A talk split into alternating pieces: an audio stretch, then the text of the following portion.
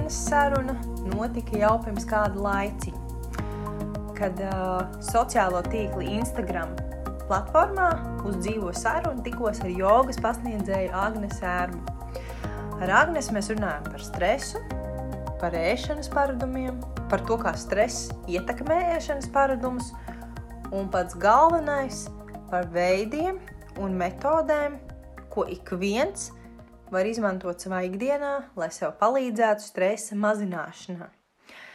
Metodas tik tiešām bija tādas, ko ik viens var izmantot, sākot kaut no šodienas, veltotam kaut vai pāris minūtes. Un jāatzīst, ka pēc sarunas es saņēmu vairāk kārt tik pozitīvas atsauksmes, un paldies vārdus par to, kā šī saruna ir palīdzējusi, ka es izlēmu šai sarunai jābūt pieejamai arī plašākajai auditorijai. Tas ir visiem podkāstu zinājumspēks klausītājiem. Nu, ko domās darīts? Tieši tāpēc tagad šī saruna pieejama arī jums visās podkāstu platformās. Nu, ko patīkam klausīšanos!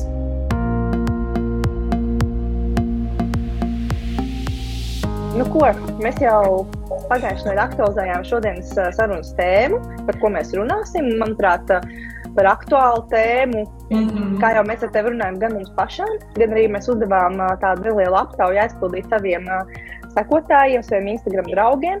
Un sapratām, ka tā tēma ir aktuāla ne tikai mums pašām. Tieši tā. Un, tas, par ko mēs parunāsim šodien, ja kāds gadījumā ir palaists garām, tad uh, mēs parunāsim par stresu. Mm -hmm. Vai precīzāk sakot, par to, kā stress ietekmē mūsu ēšanas paradumus. Un pats galvenais, ko mēs varam lietas labā darīt. Mm -hmm. Bet, pirms, bet pirms mēs uh, jau metamies klāt šai tēmai, tad uh, Varbūt sāksim ar to, Agnēs, ka tu iepazīsti mazliet ar sevi, kas tu esi, mm -hmm. ko tu dari. Ja gadījumā kāds no manas puses, kas pievienojies, varbūt nezina, tad mm -hmm. lūdzu, skatu vērt tava droši.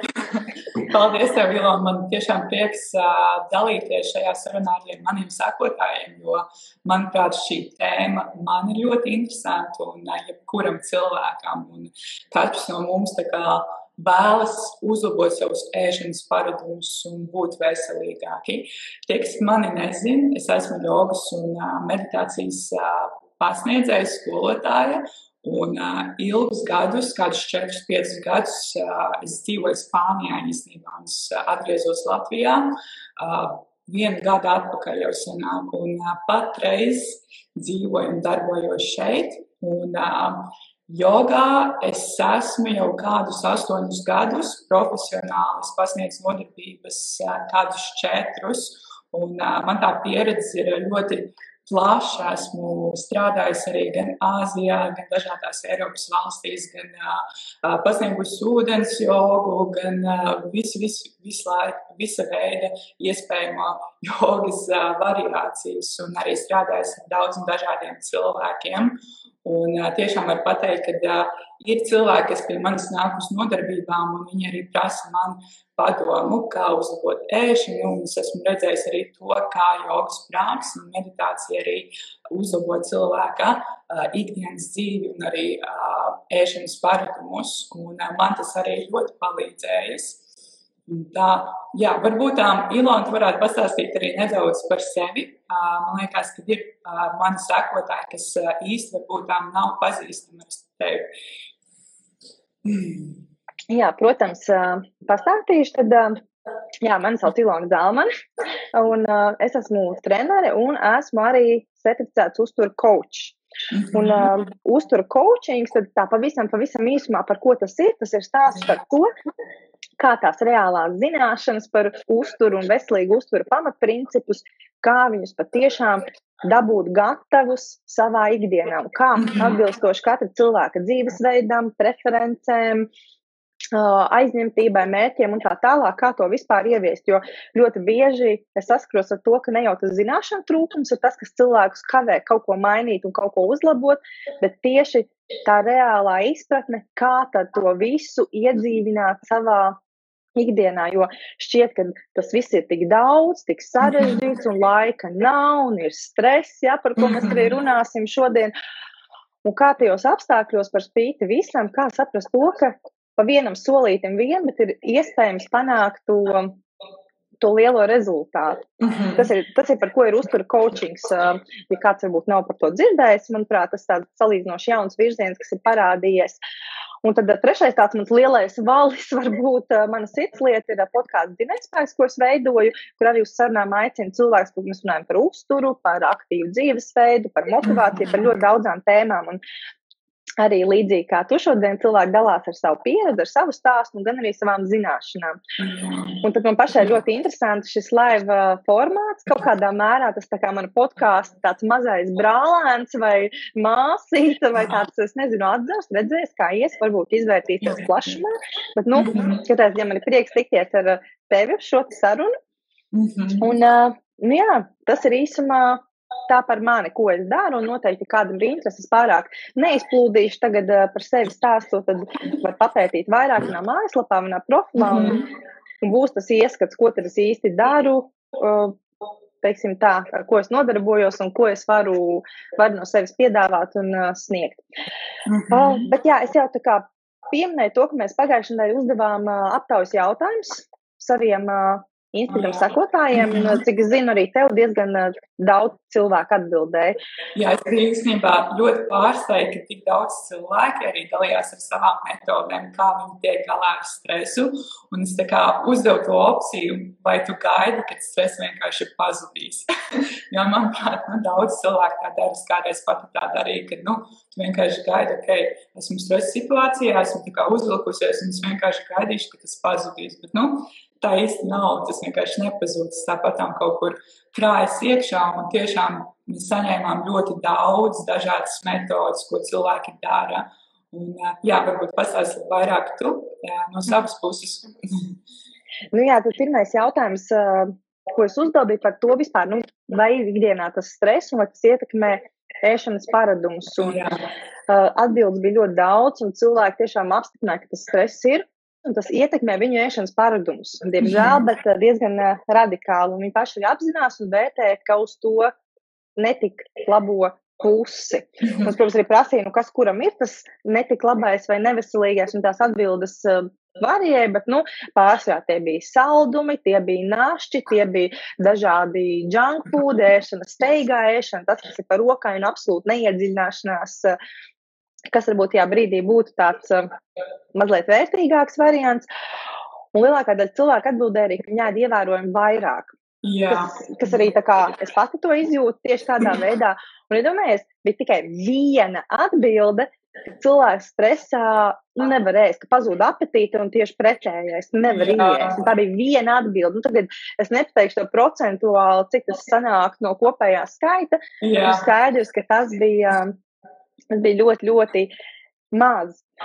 Un, uh, Jā, bet kā ir ar tevi, Agnēs? Jūs zināt, dažkārt cilvēkiem man pašai, es varu pateikt, godīgi, man kādreiz tā ir bijis, ka man licies, nu, ka jogas skolotāji, tie jau ir tādi no cita mm -hmm. plaukta, vienmēr tādi relaksēti un ar visu tiek galā. Un šādas lietas uz viņiem vispār neatiecās. Stress un kaut kāds stresainēšana, tas tā kā, nu, pat viņi nesaprot, par ko tur vispār ir tas stāsts. Nu, vai pastāst, kā tad īsti ir? Uh, ir tā, ka uh, tā galīgi nav. uh, es sastopos ar stresu katru dienu.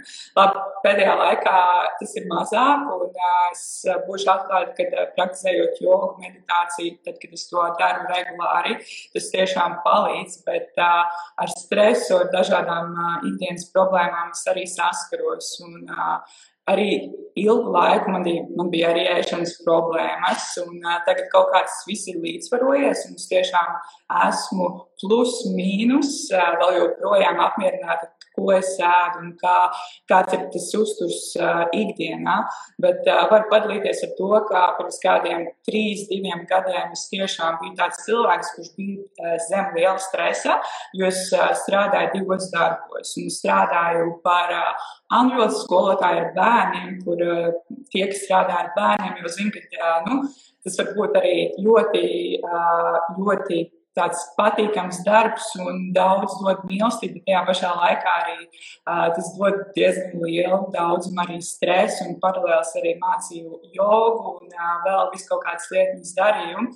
Un, uh, un man bija tā, ka uh, tu pabeidz vienu nodarbību, otru, un tad tu skrieni uz veikalu, tur ir tāds stress, tu paņem apēd šokolādi, apēd pilnu šokolādi, un tev gribās vēlēs, un tu tā kā esi tādā ķēdē, ka tev liekas, jā, viens man tā kā gribās un gribās ēst visādus nāšķus, un tu apēd vienu, tev gribās vēl, tu apēd vienu, tev gribās vēl, un tev liekas, kā lai es no tā tieku ārā. Un, jā, tā kā es tiešām ļoti labi saprotu, kāds ir, ka tu, kāda ir tā stresa ēšana. Un, un, jā, un man tas tiešām lika vairāk strādāt ar sevi, un es varu pateikt to, ka tā ikdienas dzīve un uh, apkārtējā vide arī ļoti svarīga. Kā tu, uh, kādā vidē tu strādā, kādi cilvēki tev ir apkārt, uh, kāda ir tava ikdienas dzīve arī ģimenē. Jo tā apkārtējā vide ietekmēs arī tavu sēšanas pārdomas, ietekmēs, cik daudz stresa ir tavā dzīvē. Un, protams, arī cik daudz strādā ar sevi. Ir, ir ļoti viegli aizmirst, piemēram, pasportot ikdienā vai pamatēt, kad tev ir diezgan liela intensitāte ikdienas, ikdienas dzīvē, bet tas ir ļoti svarīgi. Un man liekas, tad, kad tu atopies, ka tu, es nezinu, tur pieņēmies riktīgi svarā un sāc domāt, jā, viens, kas notika ar maniem. Un tā, un, Jā, tā galīgi nav. Es vienmēr cenšos būt ļoti atklāta ar saviem cilvēkiem, kas nāk pie manis uz nodarbībām. Neviens nav perfekts. Es neesmu perfekts. Es arī vēl joprojām ar sevi strādāju, vēl joprojām cenšos ēst veselīgāk. Un, jā, tas ir tāds, manuprāt, man liekas, Ilona to arī zina. Tas ir tāds tāds piedzīvojums, kurš nekad nebeidzās ar sevi, lai tu pilnveidotos. Tā, tā ir gan jau, un es, es pilnīgi to pievienojos. Arī es parasti cenšos būt godīga un atklāta, un es arī padalos dažkārt tiem brīžiem, kad arī man uznāk viss, Jā. Viss jāmat pie malas, un kāda tur veselīga ēšana un ārkārtas ārkārtas. Jo, nu, svarīgi saprast to reālo bildi, kad mm -hmm. visi ar to saskarās. Jā. Problēma ir. Galvenais jautājums, kā to risināt, ko var darīt Tieši lietas labā, nevis censties nolaikt problēmu vai izlikties, ka es tam stāvu pāri un man mm -hmm. kaut kādā mērā neskan. Un, un man tieši pirms pāris dienām um, Arī es vairs neatceros, jau kas bija noticis, bet uh, darba diena parastā, visu cenšos paspēt, neko nevaru paspēt, viss ir slikti, jo vairāk, uh, jo vairāk par to domāju, jo vairāk uzvalkos. Un tas, kas vakarā sēžu virtuvē, uz grīdas, apsēdusies, kaut ko domājot, pie sevis pārdomās. Tur vīrs ienāk tais kaut ko, laikam, vakariņas ar bērniem kaut ko ņem. Un es pats pie sevis kaut ko tur domāju, es saku, klausies, Bolts nemet saldumus uz mājām vai kūkas vai kaut ko tamlīdzīgu. Viņš tā uzmanīgi paskatās, kas tev uzvilkusies par kaut ko ēst. Kā, es jau pati jau pilnīgi nepamanu, pašai liekas tā kā komiski, es līdz uh, reālai domai par, par to, kā tos saldumus dabūt pie sevis. Ja viņam mājās tik daudz varbūt nav standartā, ka es jau aizēju līdz uh, šādām te idejām. Un pat es to nepamanu, bet cilvēks mm -hmm. no malas uzreiz saprot, ka ne jau tie saldumi, ne jau tās kūkas ir tas risinājums, ir tas, ko es tiešām tā kā gribu. To pēc manas -hmm. šitās te pozas jau var saprast, ka stāsts ir pavisam kaut kas, kaut kas cits. Tev foršs vīrs ir, ka viņš uzreiz tā kā, nu, pajautā, vai no tā, ok, labi, es aiziešu uz veikalu, nopirkšu tev tur cepums vai saldējumu, kad viņš uzreiz tā kā arī, nu, pasaka tev, kas mm. notiek. jā, jā, jā, viņš arī jā. par šīm lietām jau ir uh, gana daudz uh, dzirdējis un klausījies. Vismaz, kā, mēs, kā es jau teicu, ar teoriju, tā kā viss ir kārtībā, bet no to praksi, kā jau jebkuram cilvēkam. Bet, uh, Tieši tā kā tu arī pati teici par to, ka ir tas stress, Jā. un ka no kura mm -hmm. veidojas tas, teiksim, tādas cikls. Tu streso, mm -hmm. tu paņem to vienalga, lai kas tas būtu, es tagad teikšu, nezinu, būtiņu mm -hmm. šokolāde, kas no kurām tas var būt, kas. Apēd, Un beigās, kas no tā rodas, vēl vairāk stresa par to, ka Jā. ir šāda situācija. Mm -hmm. Es tagad sēdos to, ko, manuprāt, man mm -hmm. nevajadzēja, un es par to vēl stresoju vēl vairāk. Es domāju, nu viss, tagad gan es uh, saņemšos uz šitādas grābe, kad vēlreiz neuzkāpšu nekādā gadījumā. Jā. Līdz nākamajam brīdim, kad notiek tieši tas pats, un tas stress tikai auga vairumā un nepaliek nekādā veidā mazāk. Mm -hmm. tā, kā, mhm. tā kā tu teici tieši tos vārdus, ka kā izrauties no tā ārā. Jo kamēr tu esi iekšā tajā lielajā ritenī, kas tev griež un griež un griež, tā kā pa centra fūga, tur arī ārā netiec. Ir kaut kas tiešām jāsāk um, mm -hmm. kaut kas darīt. Tā ir, tā ir, tā ir. Jā, un, es varu varbūt padalīties uh, no savas pieredzes, kā ko es daru ikdienā, kas man ir palīdzējis. Un, uh, nu, uh, katram cilvēkam, protams, ir pašam jāpamēģina dažādas tās tehnikas, dažādas metodas un jāatrod savus. Un uh, katrs cilvēks, mēs esam indivīds, katrs ir savādāks. Un tiešām mēs varam pamēģināt un tikai izvēlēties un pārbaudīt uz sevi. Ja darbojas perfekti, ja ne, tad mēs uh, skatāmies kādas citas opcijas. Un uh, man personīgi, uh, es esmu tiešām izgājis daudz, nu, cauri visādām tur. Uh, uzturu, tur diētām, visu kaut kam. Es pat biju vegāns trīs gadus vai vairāk. Tie, kas man pazīst, jau zina, ka tā, esmu arī bijusi vegāna un tiešām ilgu laiku skatījos uz katru produktu sastāvu, vai nav cukurs, vai nav kaut kā pievienot kaut, kā tā, kaut kādas mistiskās vielas un tā tālāk. Bet tas, ko es daru, tiešām ikdienā es pārsvarā ēdu dabīgus produktus, kas nav pārstrādāti. Ja mēs ēdam vairāk pārstrādātus produktus, kur ir desmit mistiskās sastāvdaļas, jo vairāk mums arī viņus gribēsies. Un tas tā ir tā nebeidzamā ķēde, ka tu apēd to um, cepumu paciņu, un tev gribās atkal vēl pēc piecām minūtēm, tad tu atpēj to otru, un tev atkal gribās vēl. Un uh, tiešām, uh, ja mēs gribam kaut vai kādu gārdumu, tad mēs to gārdumu aizstājam, piemēram, varbūt tā uztaisam paši savus auzu, banānu sākumus, vai tur banānu maizi, vai arī tur riepas ar mēdu. Mēs atrodam, kā tos saldumus aizstāt ar kādu veselīgu uh, opciju. Un uh, vēl viena lieta ir, kas uh, sākt ar nelielām lietiņām, piemēram, ok, labi, uh, sākšu bišķītņām, varbūt tām nelikšu kafijai cukuru, varbūt tām uh, uh, cepuma vietā ēdīšu augļus vai riepas vai kaut ko citu. Sāk tiešām ļoti uh, pa maziem solīšiem, jo, piemēram, es pats zinu personīgi, tur pēkšņi es izdomāšu, ok, es tagad būšu veselīga, tur uh, ēdīšu tur rāpu, diētu un tā. Tas nestrādā, es esmu to mēģinājis. Tas tiešām nestrādā. Vai sākt par uh, maziem solīšiem un uh, arī nebūt tik ļoti uh, stingri pret sevi.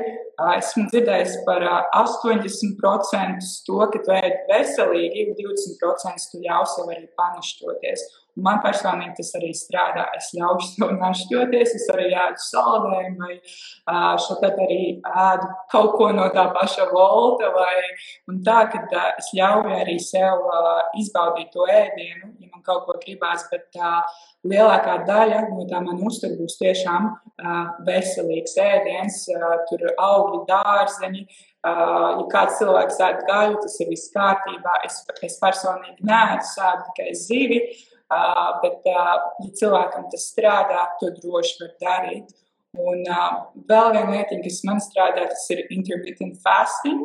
Ja? Tas arī, protams, jāstāsta kā kuram cilvēkam. Tas tiešām uh, kaut kādā ziņā saveda kārtībā to ēšanu. Man vairs negribās, es jau to daru kā kādus deviņus mēnešus. Es vienkārši nēdu brokastis, sēdu divreiz dienā tikai.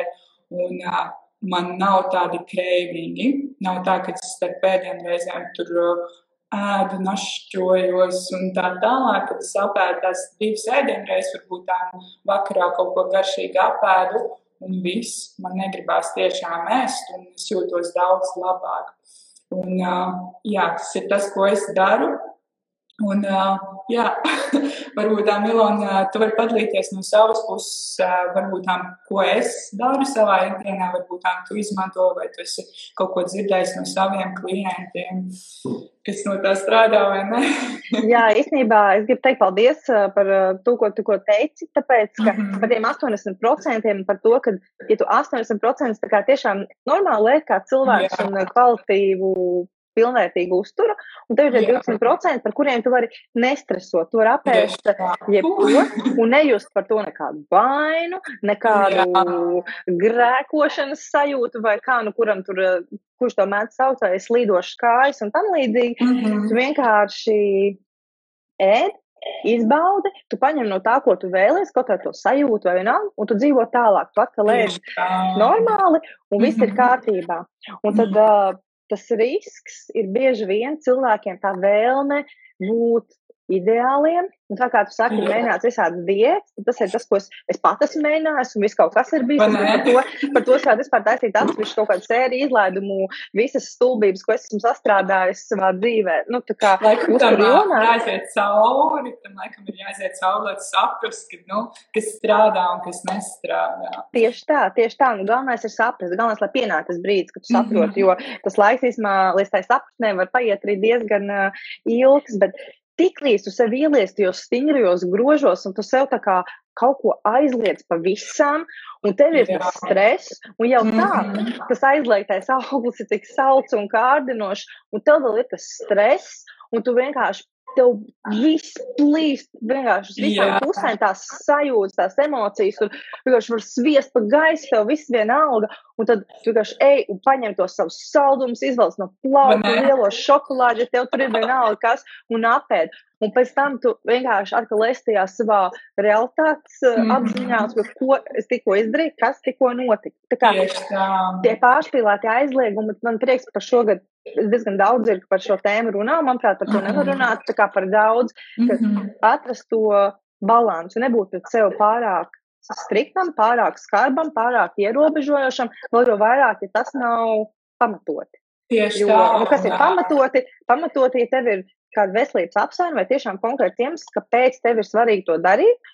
Un tev to ir ieteicis visticamāk, tad jau kāds ārsts vai kāds cilvēks, kurš ir kompetents šādas lietas uh, nozīmēt. Nevis tu izlasīji kaut kur uh, interneta dzīvēs, vai tev kāds tur pačukstēja, ka kaimiņu, nezinu, kaimiņu tankas, krustmeitas, brāļa meita šādi darīja, viņai viss sanāca. Nu, tā kā mm tur tā nianse. Es gribēju minēt vēl to, ka uh, viss tās, nu, tāds stingrās diētas vai tas raisa ļoti daudz stresu. Un uh, man arī bija dzīvē tādi momenti, kad uh, man bija īstenībā pirms kaut kādiem pieciem gadiem, sešiem, es mainīju to diētu un sāku būt ļoti strikta pret sevi. Es pieņēmu svarā pa diviem izmēriem. Man bija kaut kāds 42 izmērs, un tas stress. Viņš dod vēl vairāk tos, tā kā pieņemies svarā no stresa. Es gribēju arī minēt to, ka ir ļoti svarīgi, lai tu tiešām, nu, tā mīloši pret sevi attiecies un ar visu, ko tu dari, un ar kādas tavu attiecības ir ar ēdienu. Nu, Jā, jo, piemēram, man patīk tas piemērs, ka lidmašīnas tagad gan uh, droši vien, es teiktu, kādam piebērš sāla brūcēs, kam kāds lidojums ir uh, ticis atcelts, un es pat esmu viena no tiem, tā kā, domāju, es varu atļauties šo piemēru, bet, piemēram, ir lidmašīna, mēs tagad dodamies kādā skaistā krāšņā tālā ceļojumā ilgi gaidītās uh, brīvdienās. Bet pirms tā līnija var pacelties, kas notiek, mums nāk priekšā stūra ar visiem šiem skaistajiem demonstrācijas, teiksim, palīga elementiem un rāda un stāsta avārijas izēja viens, avārijas izēja divi. Šeit jums nolaidīsies skābekļa maskas, ja nu gadījumā notiek tas sliktākais, un mums ir nepieciešama gatavoties ārkārtas nosēšanai. Un ko viņi saka? Skābekļa maskas vispirms uzliekat sev tikai mhm. tādu saviem bērniem, citiem pieaugušiem, kaimiņam un tā tālāk. Tā kā, mhm. manuprāt, šī analoģija kolosāli strādā arī dzīvē daudzās jomās, tā skaitā arī uzturā. Vispirms tev ir jāparūpējas par sevi, tā kā tu saki, ar mīlestību, tiešām -hmm. nodrošina sev tās vajadzības, kas tev ir nepieciešamas, gan no uzturu viedokļa, gan atpūta, gan kaut kādas citas lietas, metodas, par kurām mēs arī droši vien tūlīt parunāsim, kas var nākt tālāk. Jā. Bet vispirms tev ir jāparūpējas par sevi, un tikai tad tu vari cerēt, ka tev kvalitīvi būs iet un dot ko citiem, gan arī pievērsties darbiem un visam pārējiem. Tā kā atbilde nav tā, kā teicu, vienkārši ignorēt un gaidīt, ka tas stress pāries. Tā kā, jā, jā, viņš kaut kā strādā, mums paliek tur iekšā, viņš tā kā varbūt pēkšņi vienkārši iznāks tā, wow, tā kā tu minēji to piemēru, ka tu pēkšņi ies pie tā skāpja un sāks ēst visu, kā tāds briesmonis. tieši tā, tieši tā, iznāks beidzot ārā no tas savs skāpja, tas lielais briesmonis un metīsies virsū un, un visu, vai tas tas iznākums, nu, uz ko mēs tēmējam, es nezinu, tas droši vien katram jājautā pašam sev, vai tas ir tas, uz kuram tu gribi ar to savu stresu aizdzīvoties. Kādam varbūt tas nekad nenotiks, katra būtu to savu stresu, ir tās atdzīvojis, kā simts ar roku, un ļoti labi, jo stress jau arī, kā mēs zinām, varbūt arī kaut kādā mērā dažreiz pozitīvs, bet, nu, mēs, mēs tā kā vairāk uz to šoreiz, uz to negatīvo stresu, fokusējamies, un, Un tad jā, par to stresu arī vēl saprast, uh, kas to stresu izraisa, kas ir tas galvenais faktors. Un dažkārt tā analizējot, saprotu, ka, ah, bet šito es varu īstenībā atrisināt. Es varbūt varu kādu darbu deleģēt kādam citam, es varbūt to kādu darba vai pienākumu varu atteikties, -hmm. kaut ko es vēl varu ar kādu cilvēku izrunāt, un kaut kādas lietas īstenībā ir izcināmas. Tas, tas ir ideālais gadījums. Tad mēs atrisinām šo te šo cēloni, bet ir situācijas, kad to stresu droši vien nevar atrisināt. Nu, piemēram, arī es pati zinu, kāds ir ilgstoši, kad ir mazi bērni mājās, un viņiem nav ļobi, un tad ir iesnas, un tad ir vēl kaut kas, un tad viņi neguļ, un tad viņi bļauj, un tad viņi bļauj vēl vairāk, un tad viņi naktī ceļās desmit reizes. Es tās māmas, es abrīnoju visas māmas, tiešām, kā jūs tiekat galā ar ar bērnu, ar ģimeni, ar sevi, kur nu vēl stresu. Tas ir tāds tā kā, nu, apbrīnojams darbs tiešām. Tu droši vien zini tiešām vairāk par to. nu, jā, bet uh, es zinu arī tieši to pašu, ka neko nedarot, var iebraukt tikai šaušalīgās auzās. Tā kā mm. ir kaut kas jādara un jāmeklē, un kā tās visas lietas, izklausās tik pašsaprotams, un cik par to var runāt un atgādināt. Bet, manuprāt, tieši var, un ne tikai var, bet arī vajag atgādināt, jo tas ir vienīgais veids, es pats sev tās pašas lietas. Um, ik pa laikam atgādina, jo kā, katrā situācijā no jauna prasās sev to atgādināt. Un, mm -hmm. Jā, un tad nu, no manas puses arī, piemēram, kad ir tā stresa situācija, un cilvēki zina, ka ir tā stresa ēšana, piemēram, tipiski problēma, arī, ko es pati daru. Es cenšos īpaši saldumus mājās neturēt, nu, ko tumšā šokolāde stāv, tā, tā kā retai, retai reizei, bet tāda mhm. liela krājuma man nav, tāpēc ir tā, ka, ja vajag, tad ir, vai bolts man ved, vai. Tas speciāli iet uz veikalu augstā laikā, un tad liekas labi, gan jau, ka var izstikt, un tad vienkārši nepēc. Tieši tā, bet tā kā šis ir labs veids, kā tu vari sevi atbalstīt tajā procesā, un, teiksim, tā, nu, palīdzēt, lai vismaz, ja tev ir tas tests, lai nebūtu tā ēšanas uh, lēkme līdz tam, lai tu nenonāc, tajā pat laikā saprast to, ka tā kā ka mums ir iesnas, un mēs pērkam tos uh, flakoniņus un pūšam sev degunā, un lai var pelpot beidzot. Mhm. Un tu iepūt, un tu tev kaut kāds desmit minūtes, tu tā kā var elpot, un tāpēc brīža, principā, tu jau atkal jūti, ka viss tas deguns ir ciet, gaisa trūks, jāelpo ar muti un uh, ārkārtas šausmas visu vecam. Un gaida, kad būs pūkstens cik tur, kad es vairs pūst nākamo reizi tos savu glābēju, glābēju līdzekli. Tā kā ar to saldumu neturēšanu mājās kaut kādā mērā mēs sev palīdzam, bet mēs nekādā veidā neatrisinām vai nenovēršam to. Mm -hmm. To problēmu. Un tad tieši no ēšanas viedokļa viena lieta, ko es parasti iesaku un kur pats cenšos ņemt vērā, ja tu esi jau šajā situācijā, tev ir tas stress, tu esi paņēmis vienalga, ko, un tu tagad meklē to risinājumu ēdienā, kur viņš nav visticamāk. Mm -hmm. Viens variants ir censties sevi palēlināt. Ok, tu ēd, tu to dari, tu sevi nenosodi, nepamet, bet tu centies pēc iespējas sevi mhm. bremzēt. Un šī metode palīdz, un skaidrs, ka uzreiz tas tā neizdodas, bet tas palīdz atgriezties tajā izpratnes mieklē, pag, kas īsti notika, kas ir tā problēma, ko es mēģinu risināt un kāpēc es viņu risinu šādā veidā. Tā kā, um, tā lēnā ēšana un tā sevis lēnāšana, tas, tas palīdz. Un tas tas Jā, trenē, tas tā kā muskulis. Mēs zinām, mēs ejam uz sporta zāli, trenējamies, ceļam hanteles. Tāpatās arī ar to um, lēnās ēšanas, vispār lēnas tādas apzinātas dzīvošanas muskuli.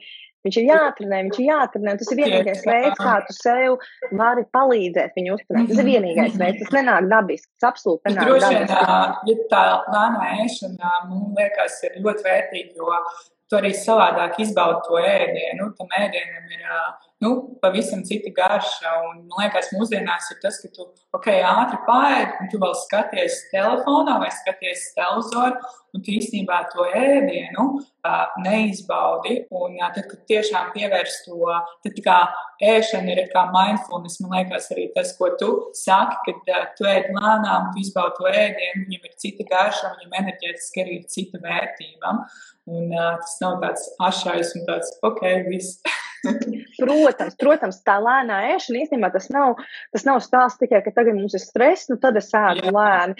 Tas ir kaut kas tāds, ko mēs praktizējam, tad, kad nav stresa un ikdienā, bet tagad, kad ir tas stress, mēs vēl vairāk cenšamies tā kā ar šo metodu sev palīdzēt. Un vispār par ēšanu ļoti bieži cilvēki atnāk, un, kas izdomājuši, viņi vēlas kaut ko uzlabot, kaut ko pamainīt savos uzturu paradumos.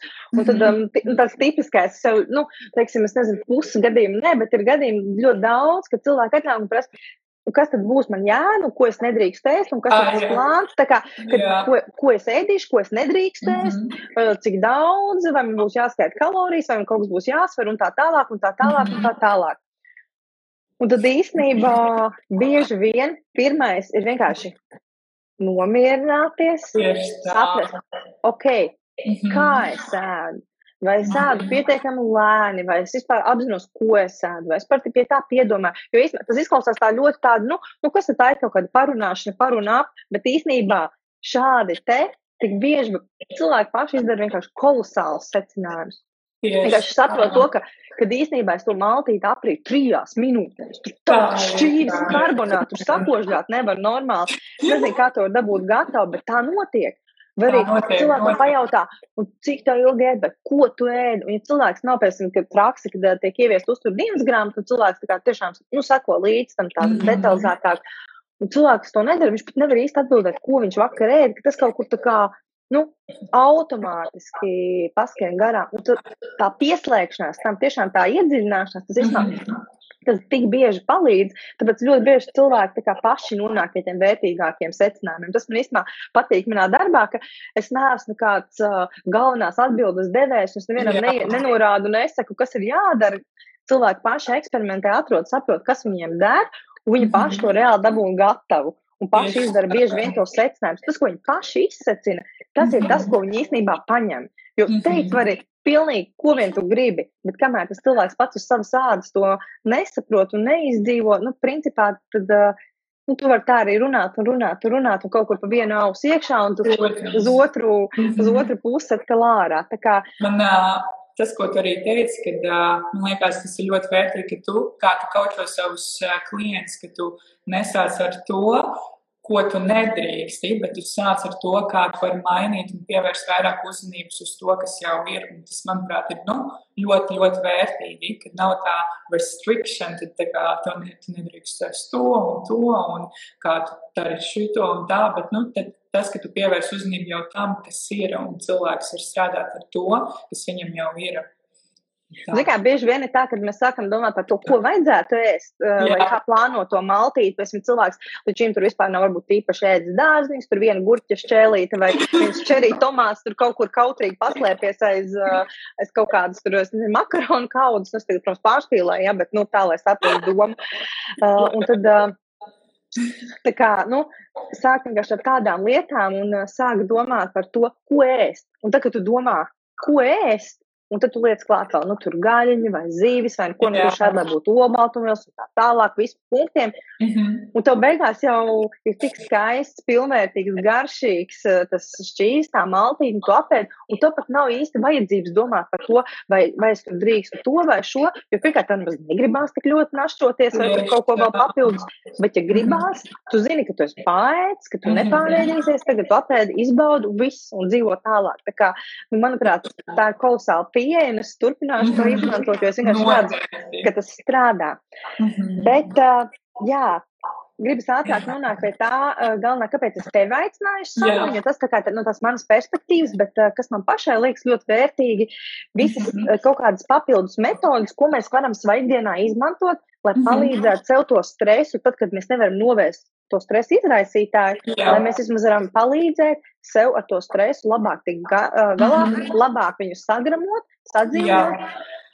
tā, lai mēs justos labi, kas ir tas galvenais mērķis. Un um, arī jautājumus uzdevu sekotājiem, viņam kolosāls atbildes, tik daudz, vienkārši nebija gaidījusi. Tas bija vienkārši tā, ka cilvēki man pastaigas, kas man pašai ļoti, ļoti, Jā, ļoti patīk un palīdz.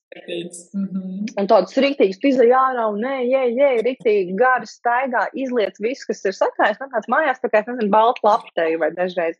Tā, Tad jā. ļoti, kas tev droši vien patiks, ļoti daudzi cilvēki min jogu un mhm. elpošanas tehnikas. Jā. Uh, arī meditācijas.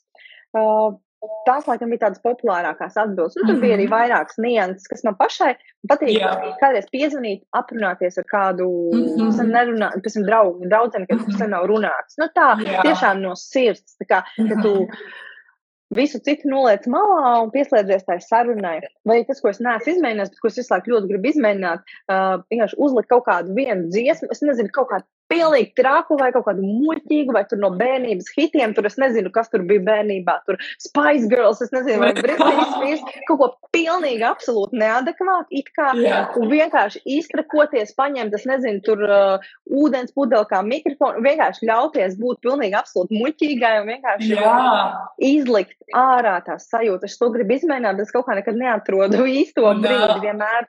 Manuprāt, man viena, man pāris meitenes vai viena meitene arī minēja par šo, ka dejošana nav, jo tas, ka tu esi tajā stresa situācijā un tu vienkārši kaut kā pārēj no tās stresa situācijas, tu viņu tā kā izstum sevi ārā pats sevi izsum sevi ārā. Nevis tu sēdi un turpini tam stresa, tam pelēkajam mākonim sev tā kā pārņem, bet tu vienkārši pats sevi izslēdz ārā ar to pašu dejošanu. Un viss, es nezinu, nevienu cilvēku, kurš vēl joprojām justos stresaini vai depresīvi pēc tādas dēļas. Nu, tas tā nav, tas vienkārši tiešām palīdz. Jo fiziskās aktivitātes jau mūs īstenībā ietekmē hormonālā līmenī. Mums izdalās prieka hormoni, un, mm -hmm. un tu gribot vai negribot jūties labāk. Kam patīk teikt, ka cilvēki, nu, kad es sākšu trenēt, nu, kad es jutīšu kaut kādus uh, rezultātus, kad es kļūšu stiprāks, vai kad es tur varēšu uztaisīt yeah. to vai šito vai vēl kaut ko. Un kad būs tas iegums? Es saku, īstenībā, tu iegūmi jutīs jau pēc pirmā treniņa. Nu, vienīgais nostījums, ja viņš būs adekvāts, samērīgs un nebūs tā, ka tu pēc tam tur izrāpos ārā no tās uh, zāles un nevarēs pakustēties. Nu, tad tas ir cits galēji, es domāju, adekvāts, normāls, foršs treniņš, kad tu izkusties. Pa, viņš var būt grūts, bet tu jutīsies labi. Tu būsi izlicis ārā to visu to spriedzi, un tu -hmm. uzreiz pēc pirmās reizes jutīsies labāk. Nu, tā kā es saku, vienīgais, tā kā disklaimerīts, ko es vienmēr saku, nepārspīlēt pirmajā treniņā, jo tad gan bieži ir tā, ka tu vienreiz notrenējies, un tad divas nedēļas paiet, lai saņemtos nākamajam, un negribās, un nu, tā lieta neiet uz priekšu. Tā kā kaut vai sāc ar desmit minūtēm, vai piecas minūtes treniņš, pilnīgi pietiks, ja tu iepriekš neesi neko darījis, bet sāc ar to pašu, un vienkārši izbaudi to. Jo man pašai, es saku, ķermeņa valoda ir mana, un uh, fiziskas aktivitātes, sports, treniņi, kārtīgi izsvīšana, augsta intensitāte, tas ir mans. Es saprotu, ka tas nedara visiem, bet man tas noteikti palīdz. Savukārt man, ar ko ir grūtāk, un kur es gribu tagad uh, tevi aicināt dalīties. Uh, starp citu, jā, pirms uh, es tev prasu, kas klausās mūsu, būtu ļoti interesanti, ja jūs kāds ierakstītu, kas ir jūsu metods, kas jums palīdz. Jo iespējams, ka gan mums, gan arī citiem, kas klausās, tieši jūsu pieredze, jūsu ieteikumi varētu noderēt. Varbūt mums uh, vēl kāda ļoti vērtīga ideja uzstāv. Tā kā mēs aicinām jūs mhm. klausīties, lai mēs arī zinām, ka kāds tur ir, kāds klausās un uh, dzird un iesaistās. Tā kā mēs būsim ļoti priecīgas, ja kāds ir mhm. uzrakstījis kaut ko, un ja kaut kāds jautājums vai kaut kas tāds, tad arī droši rakstam, varbūt mēs mēģināsim to tā dabīgi integrēt sarunā. Beigās nebūs uh, jautājumu atbilžu sesiju vēl stundas garumā, tā kā nevelkam garumā, ja kaut kas, uh, kaut kas ir, tad rakstam, prasam. Nu, ja, protams, nekā prasām nav jautājumu, tad, uh, tad neko darīt. Jā, var jau nevilksim. Bet tev jautājums par, par jogu, Jā. par elpošanu. Mm -hmm. Kas no šīm lietām un kā arī var palīdzēt uh, mm -hmm. ikdienā samazināt stresu. Un mm -hmm. kas varbūt ir tās lietas, ko ik viens, kas klausās, kas varbūt šobrīd cilvēks, kas nav gatavs tagad pievērsties eh, jogai trīs reizes nedēļā, pa pusotrai mm -hmm. stundai, bet ko no šī te var paņemt, mēģināt ieviest savā ikdienā pa drusciņai, un kādas ir tās lietas, tas uzlabojums, tas rezultāts, ko var gribēju sagaidīt. Labi. Es pastāstīšu nedaudz par to, kā joga, meditācija, tas, ar ko es nodarbojos, kā tas arī savalkas kopā ar stresu un kā tas var ietekmēt arī mūsu kā ēšanas paradumus, padalīties arī no savas pieredzes un arī no cilvēkiem, ar kuriem es strādāju, dažādiem piemēriem. Un, kā joga tiešām liekas, kā tad joga var ietekmēt tas, ko es ēdu, bet tā, ka sākot tie, kas praktizē jogu regulāri, droši vien cilvēki ir arī piefiksējuši faktu, ka viņi sāk dabīgi varbūt tā izvēlēties veselīgākas opcijas priekš sevis ēd, priekš ēdiena. Un kas notiek, tad, kad mēs praktizējam jogu, tas arī var būt arī tajā pašā laikā arī ar meditāciju. Tad, kad mēs praktizējam jogu, meditāciju, mēs tā kā esam vairāk, kā lai tu saka angliski, in tune with yourself. Kā vairāk izjūtu sevi, tu kā savienojies vairāk ar savām iekšējām sajūtām, tu izjūti savus ķermeni, tu izjūti sevi, tu izjūti savas emocijas. Un uh, tad, kad tu sev vairāk izjūti, tu esi kā in tune with yourself, tu arī nevēlies uh, uh, sev darīt pāri. Attiecīgi, tu izvēlies arī veselīgākas opcijas, ko tu vēl, uh, ko tu liec uz galda un uh, ko tu dari arī ikdienā. Ja? Tas ir tā ir mana pieredze, un uh, tas ir arī tas, ko esmu dzirdējis no cilvēkiem. Tie, kas praktizē, to tie droši vien cilvēki arī ievērojuši tādas izmaiņas arī savā ikdienas dzīvē.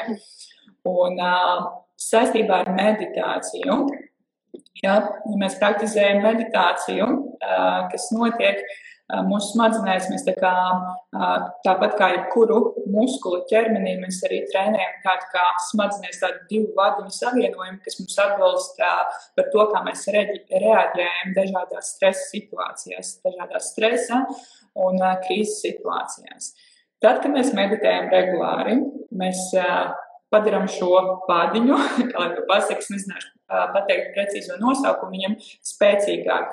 Attiecīgi, tad, kad mēs būsim kādā stresa situācijā, arī tajā pašā stresa situācijā, ka mums varbūt tām gribās ēst, mēs reaģēsim savādāk. Mēs būsim mierīgāki, pirms mēs rīkosimies, darīsim kaut ko. Mēs kā vienu soli paspērsim atpakaļ un padomāsim, vai tas, ko mēs darīsim, tiešām būs labi priekš mums.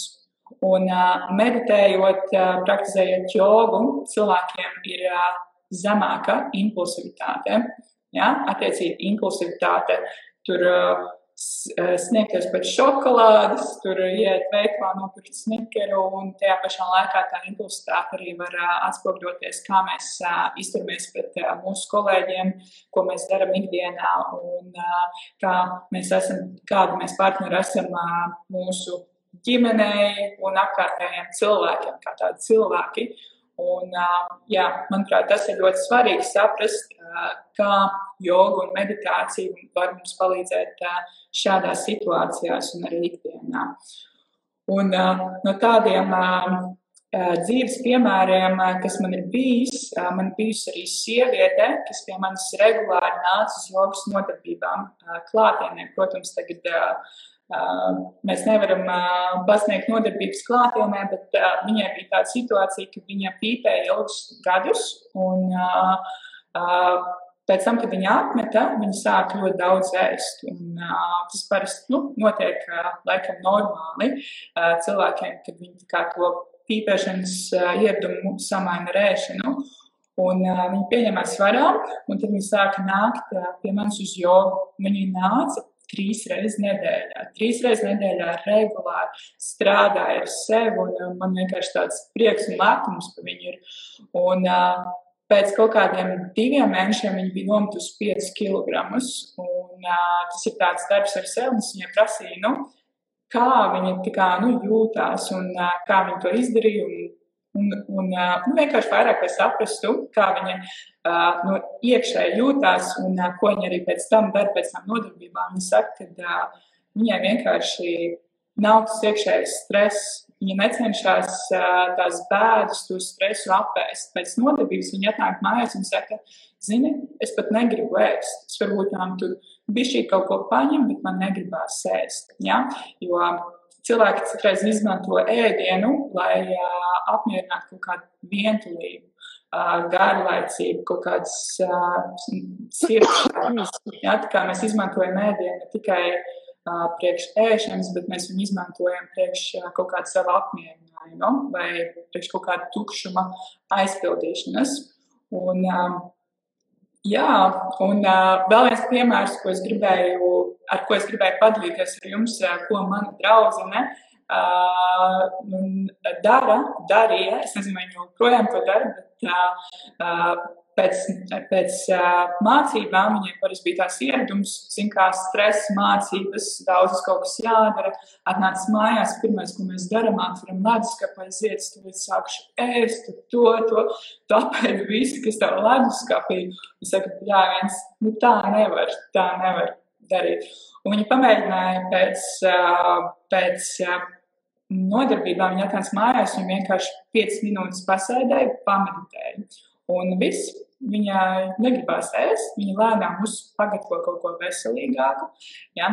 Un uh, vienkārši gribu minēt to, ka pirms mēs kaut ko darām, ir labāk nedaudz pasēdēt, pabūt ar sevi, bija šī padomāt, lai mēs atkal neļaujamies tajā impulsivitātei. Ja? Un, uh, Jā, un daudziem cilvēkiem varbūt liekas, ka wow, meditācija ir kaut kas, tur, ko tikai mūki dara. Jā, jā, jā man ir viedi, lotusa pozā, perfektā un tā visumu. Jā, jā, ir tāds, jā, ir tāds, ka pašai brīžam ir tā likies, ka, ka, kas tā meditācija vispār tāda zvēra un uh, kā to reāli dabūt gatavu. Tas man, tāpēc, man jau uz mēles uh, nākamais tev jautājums. Tā kā, tu man ļoti labi paskaidroji un iepārdevi idejas, arī gribu tagad jogot. Es saprotu, ka tas palīdz būt šeit un tagad. Man pašai ir pieredze ar jogu, jā. arī starp citu tieši asištānu jogu, ko es saprotu arī tu tā kā. Spēcīgi, jā. jā, man patīk, man patīk tāda, tāda veida tā kā jogas nodarbības. Mm. Šobrīd to nenodarbojos praktiski, bet uh, man ir tā mhm. sajūta, ka es saprotu, ka man tas īstenībā varētu ļoti labi palīdzēt, varbūt kādam. Bet nu skaidrs, uh, skaidrs ir tas, ka es šobrīd neredzu iespēju, jo man tā jau ir stress, pieņemts daudz. Mm -hmm. Kā es vēl varētu trīs reizes nedēļā tādas pilnas nodarbības ar jogu vēl iekļaut savā ikdienā? Es uh, gribēju Tad, minēt vienu lietiņu, varbūt tā, uh, par to, ka par to meditāciju, kad uh, cilvēkiem liekas, ka tas ir kaut kas, kas tur speciāli jāsēž, tur ar svecēm, tur vīra kociņiem tā tālāk. Ja? Uh, meditācijā mēs varam vienkārši, meditācija ir tas, ka tu vienkārši sēdi 5 minūtes un neko nedari. Tev nav pat uh, jāizvairās no savām domām. Tu vienkārši esi šeit un tagad un ļaujies visam, kas nāk. Tu pasēdies tās 5 minūtes, pirms tu gribi varbūt tām tur iet pakaļ snickerim vai atvērt leduskapu vai kaut ko darīt, vienkārši pasēdi. Un tev tas, tas, kas tev notiks galvā, prātā, pilnībā mainīsies. Tas pārslēgsies uz kaut ko citu. Un tā arī ir meditācija. Un, uh, to, ko es pēdējā laikā esmu arī iemācījusies, ka nu, no sākuma likās, wow, tur jāstrādā rīktīgi prātā ar to, lai tu nedomātu, lai tu neļautu tām domām būt sev prātā, bet īstenībā tā nav. Daudz cilvēki meditē arī vienkārši pusstundu sēž un vienkārši ļaujam, ļaujas visam, kas nāk, gan prātā, gan ķermenī visam. Vienkārši tu esi ar sevi, tu velti laiku sev un uh, jā, tu pārslēdz to savu prātu no tā stresa uz kaut ko citu. Ja? Jā, tas ir Nē, ļoti, ļoti, manuprāt, vērtīgi saprast to, ka, jā, kad meditācija ir kaut kas tāds, punkts viens, ko mēs katrs varam darīt. Punkts divi. Mums mm -hmm. nav jādara nekas tas, kas mums liek justies nērti, nekomfortabli. Mums nav, kā tu saki, vajadzīgi vīra, ka kociņi, tur vēl nezinu kādi atribūti. Tas ir reāli kaut kāds darbs, ko mēs darām uz iekšu, nevis uz mhm. āru, un mēs varam darīt, kā mēs to gribam. Un otrais, -hmm. tas neprasa zvērīgi daudz laika, un mēs varam sākt piecām minūtēm. Tas palielam ir kaut kas tāds, ko jebkurš var atrast priekš sevis, ja ir vēlme. Par to es esmu nu, tiešām pilnīgi pārliecināta. Tās piecas minūtes uz kaut kā rēķina mierīgi vari sagrabināt. Bet tieši tāpēc man ir jautājums par jogu. Kā ikdienā nejogotājiem, nu, tādam, kas neregulāri vai vispār šobrīd nejogo vai vispār nav jogojis, bet gribētu jogot. Mhm. Kādi ir varianti, ko var darīt, ja nav uzreiz tā kā varbūt tā vēlme vai pārliecība vai mhm. iespēja uzreiz uz pilniem 100% mesties iekšā. Vai var sākt jogot, es nezinu, arī ar piecām minūtēm dienā, vai, vai kā tu uz to skaties, vai tas vispār nekam nedara un tad nav pat vērts ielaisties ar tādu jogotāju. Mm -hmm. uh, jā, man uh, tieši nesen uh, rakstīja viena meitene par to, ka uh, viņa vēlas sākt un kā to sākt jogas iesācējiem. Un, kā ar jebko citu, mēs sākam ar bišķītiņu. ja, tā kā, ja mēs gribam iet sporta zāli, pietiek ar tām desmit minūtēm, bet galvenais, lai tu kā, praktizētu to regulāri. Es ieteiktu, ja tu vēlēties sākt jogot, pietiek ar desmit minūtēm. Paņem, piemēram, desmit minūtes, tu sev sarunā ar sevi, es praktizēšu jogu 10-15 minūtes, trīs reizes nedēļā. Kaut vai ne trīs reizes nedēļā, divreiz nedēļā. Ar to pietiek.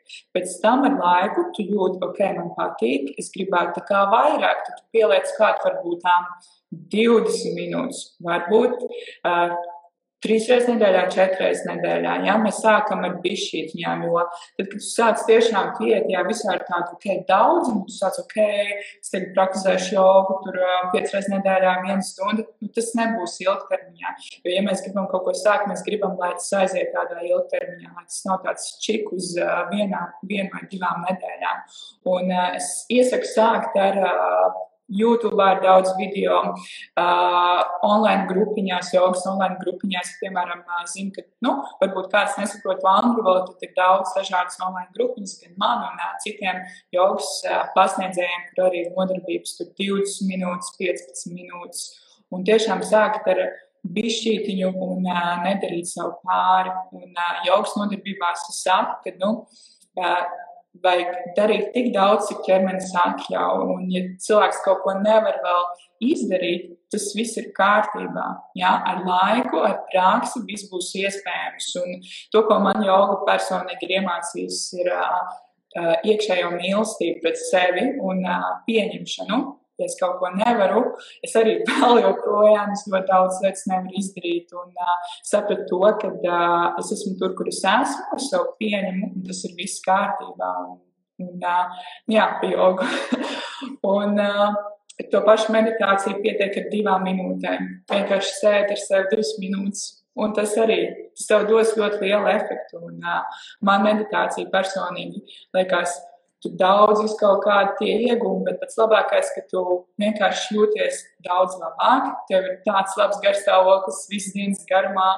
Tu jūties priecīgāks, tas produktīvāks un tev vieglāk noturēt uzmanību darbā. Tiešām ļoti daudz tādi ikdienas iegūmi, kas nav vispār saistībā ar kaut kādu tur, uh, nezinu, tur pilnības vai apgaismības meklējumiem. Nu tā. Jā. Jā, jo ja par jogu arī varbūt es nezinu, tikai tu nesmies, vai manis ir padalīties savu pieredzi, kāda bija mani jā. pirmsākumi. Es bija domājis, ka gribu jogot. Nu, es uz jogu tajā brīdī, kad es to pirmo reizi izlēmu, kas mm -hmm. vēlos, es uz to vairāk skatījos uz to, kā, oh, un es šitā varēšu kāju katru uz savas puses un vēl nostāties uz galvas un vēl tur visādi citus uh, trikus. Man -hmm. likās tā kā, oh, wow, šito es gribu tā kā -hmm. dabūt gatavu. Un es atradu, kur es gribēju iet uz jogu. Bet pirms saņēmos, lai tiešām aizietu savu pirmo nodarbību, es reāli mājās mēnesi, es katru dienu taisīju, trenēju špagatu, lai vienkārši oh. izstieptu to špagatu. Es arī gan dabūju gatavu, tas jau bija sēnes, vēl bija jauna un lokana un uh, un, uh, teiksim, tā diezgan labi padavās. Uh, Es uz galvas mācījos stāvēt. Tas jau no bērnības mums bija akrobātikas pulciņš skolā. Es jau to biju apgūst, vienkārši tā kā riteņu braukšana, vajadzēja vienkārši atsvaidzināt tās iemaņas. Bet es riktīgi, riktīgi, riktīgi gatavojos, nu, lai es tagad varētu aiziet uz to jogu. Un nu, tad es tagad varētu visu mācīt un izdarīt. Un tas bija smieklīgi, kad īstenībā Es aizgāju, un nekas tāds nebija. Man neviens nelika sēsties špagatā un uz galvas uh, stāvēt. Vispār es uh, man pirmoreiz ļāvu pēc kaut kādiem vairākiem mēnešiem, kad es līdz tai vietai attiecīgi tiku, un bija sākumā jācenšas aizsniegt savus īkšķīšus, satvērt uh, piecas dziļas elpas un, un savienot kustības un tā tālāk. Un, un vienkārši varbūt tur no savas puses kaut kāda iedrošinājuma nu, tiem cilvēkiem, kas var būt līdzīgi kā es. Varbūt, es esmu vienīgā tāda, es nezinu. Tā kā, bet, ja gadījumā Jā. vēl kāds eh, domā, ka viņš nav gana lokans, veikls, eh, vēl nezinu kāds, vai joga viņam der, vai tomēr ir vajadzīga kaut kāda, kā man sagatavošanās darbi, vai vienkārši ir jāsāk darīt, un tas arī viss. Uh, jā, Daudz cilvēkiem ir tas priekšstats, ka joga ir domāta priekš lokaniem cilvēkiem, kad joga ir par akrobātiku, kad, liekas, daudziem cilvēkiem piesaista jogas praksē, tāpēc, ka cilvēks varēs tur uzpastāvēt uz galvas, vai tur tiešām uztaisīt tās sarežģītās akrobātiskās pozas un pēc tam uztaisīt bildi un parādīt, cik viņš tā kā, nu, cool ir. Ja? Bet īstenībā joga nav par to. Un, un es arī atgādinu to cilvēkiem. Tie, kas sāk praktizēt jogu regulāri, viņi arī saprot to, ka joga tiešām nav par to. Joga ir, lai padarītu ķermeni spēcīgāku un tajā pašā laikā arī padarītu prātu mierīgāku un arī spēcīgāku, asāku. Un joga ir domāta priekš visiem. Nav svarīgi, cik tev ir gadi, kāds ir tavs izmērs, vai tu esi lokans vai neesi lokans. Ja? Joga ir domāta, lai tu tiešām justos labāk. Ja? Un tas mērķis nav stāvēšana uz galvas. Tas mērķis ir sakārtot tavu veselību, tas, kas notiek tavā prātā, lai tu justies labāk. labāk. Un tas, ka tu nevarēsi uztaisīt uh, ving, specifiskus vingrinājumus, tas pilnībā ir nekas. Ir pasniedzēji, kas tur varbūt tām riktīgi spiež, tur, kur varbūt nevajadzētu. Uh, ja tev tas nepatīk, tu droši vari nomainīt pasniedzēju. Ja? Es personīgi nekad nespēdīšu cilvēku, ja es neredzu, ka viņš uz to ir gatavs. Un uh, es atceros pirmo reizi. Uh, aizgāju uz jogas nodarbību. Tā, tas bija sporta centrā, un man bija tā, ka, nu, rīktīgi tur kliedz bez maz vai visu, vai, vai, man likās, kas notiek? tā kā, kas notiek? Bet, tā, jā, arī saprast to, ka tā, pamēģināt dažādus jogas veidus kā tu minēji, ir aštanga joga, kas ir ļoti uh, fiziski izaicinoši. Ja? ja tu jūties uh, spēcīgs, tad ir aštanga vinyasa joga, ja tu vēlēsies vai, vairāk relaksēties, tad ir hata yin joga. Latvijas laikās tas ir yin joga. Ja. Tā, tā kā pamēģināt dažādus veidus, saprast, kas ir tavējais. Un uh, tiešām uh, neviens tev tur neaiztiks, neviens tev nespiedīs uh, tur, kur tev, tev nevajag iet. Ja? Tas ir vairāk par sevi. Un, uh, Man pat uh, mani skolotāji, pie kuriem es esmu gājusi un mācījušies, saka, ka tā īstā joga ir tas, ka tu praktizē ar acīm aizvērtām, ka tu izjūti savu ķermeni, ieklausies savās iekšējās sajūtās un kā izjūti sevi no iekšienes. Ja? Un, uh, tas ir tāds īstenībā tāds liels darbs ar sevi no iekšienes. Tu ej ārā no komforta zonas, tu tur to pozu, tur tāds diskomforts, bet tu viņu tur vēl joprojām. Tas, ko tu dari uz tā paklājiņa, laiku arī atainojas ārpus paklājiņa ikdienas dzīvē. Tu sāc kļūt. Uh, pašapziņīgāks, nevis pašapziņīgāks, bet pašpārliecinātāks. Tev ir vieglāk iet ārā no komforta zonas un būt vieglāk dažādās stresa situācijās. Tu vienkārši nebaidies no tā, jo tu esi bijis tur jau fiziski, jau augstu nodarbībā. Un, jā, tā kā tā atbildēja. tad, manuprāt, ļoti labi tu pastāstīji, manuprāt, iedrošinoši. Ja kādam ir tā vēlme, tad uh, tas, manuprāt, ļoti noderēs. Uh, tas, ko es vēl redzēju, ko Guna pirms kāda laika pierakstīja viņas metodas, tad skriešana, par fiziskām aktivitātēm jau pieminējām. Mm -hmm. un vēl adīšana un krāsošana. Jā. Un tas, manuprāt, arī kolosāli. No adīšana noteikti man personīgi nebūtu, jo es vienkārši neesmu adītāja. Man mājturībā bija knaps sekmīgas atzīmes, tā kā es ļoti priecājos par skolu pabeidzu, ka adīšana man neiegāza, bet krāsošana, tas ir uh, tiešām kaut kas, nu, Mhm. nomierinošs un tāds, kas palīdz, un tās mandālas, kas kādu laiku, es nezinu, vai šobrīd ir tāds tikpat aktuāls un populārs, mm -hmm. es saprotu, ka pats var sev sazīmēt mandalu. Vienkārši paņem papīru, sašvīkā, kā tev vajag, iedod bērnam, lūdzu, sašvīkā uzzīmē man tur, un pēc tam tu ņem un tur krāso un veido to, to bildi, un pat nevajag neko sarežģīt, nekādu speciālu grāmatu pirkt vai kaut ko. Vienkārši Šo es atceros no bērnības īstenībā, Jolan, ko tu tikko minēji par tām, nu, sašķīkāšanu, tad tu krāso tos aplīšus, kur ir tā kā, nu, uh, kuri, kur var izkrāsot vienkārši tos lodziņus. Tiešām forši. Mm. Tā kā, jā, tā kā jābūt radošiem, jāmeklē tās idejas, kas strādā katram, jo tas, kas vienam der mhm. izcili, kādam citam nederēs, bet vienmēr no kāda mēs kaut ko varam pašpikot un aizņemties. Un mēs jau ļoti ilgi runājam, jau stundas. Domāju, ka mēs arī tā kā apaļos, mēs labāk, lai paliek tāda, es nezinu, mazuma piegājuša. Mums ir tā kā Jā. nākamreiz varbūt kaut kad dzīvē vai vispār kā, kā pieķerties un turpināt sarunu, lai nav tā, ka visiem jau, wow, cik var runāt. Es ceru, ka tā nav. Es ceru, ka mhm. bija arī kaut kas uh, vērtīgs un ko paņemt. Un es, protams, priecāšos, ja ir kaut kādi jautājumi, tad uh, jūs varat vēl rakstīt un sūtīt tagad. Ja ne, Protams, var arī vēlāk rakstīt, gan Agnesei mm -hmm. privāti, gan man. Mēs atbildēsim noteikti, saglabāšu šo te video arī ievietošu SvaigžTV, un tad mm -hmm. tas būs pieejams. Tā kā droši varēs paskatīties.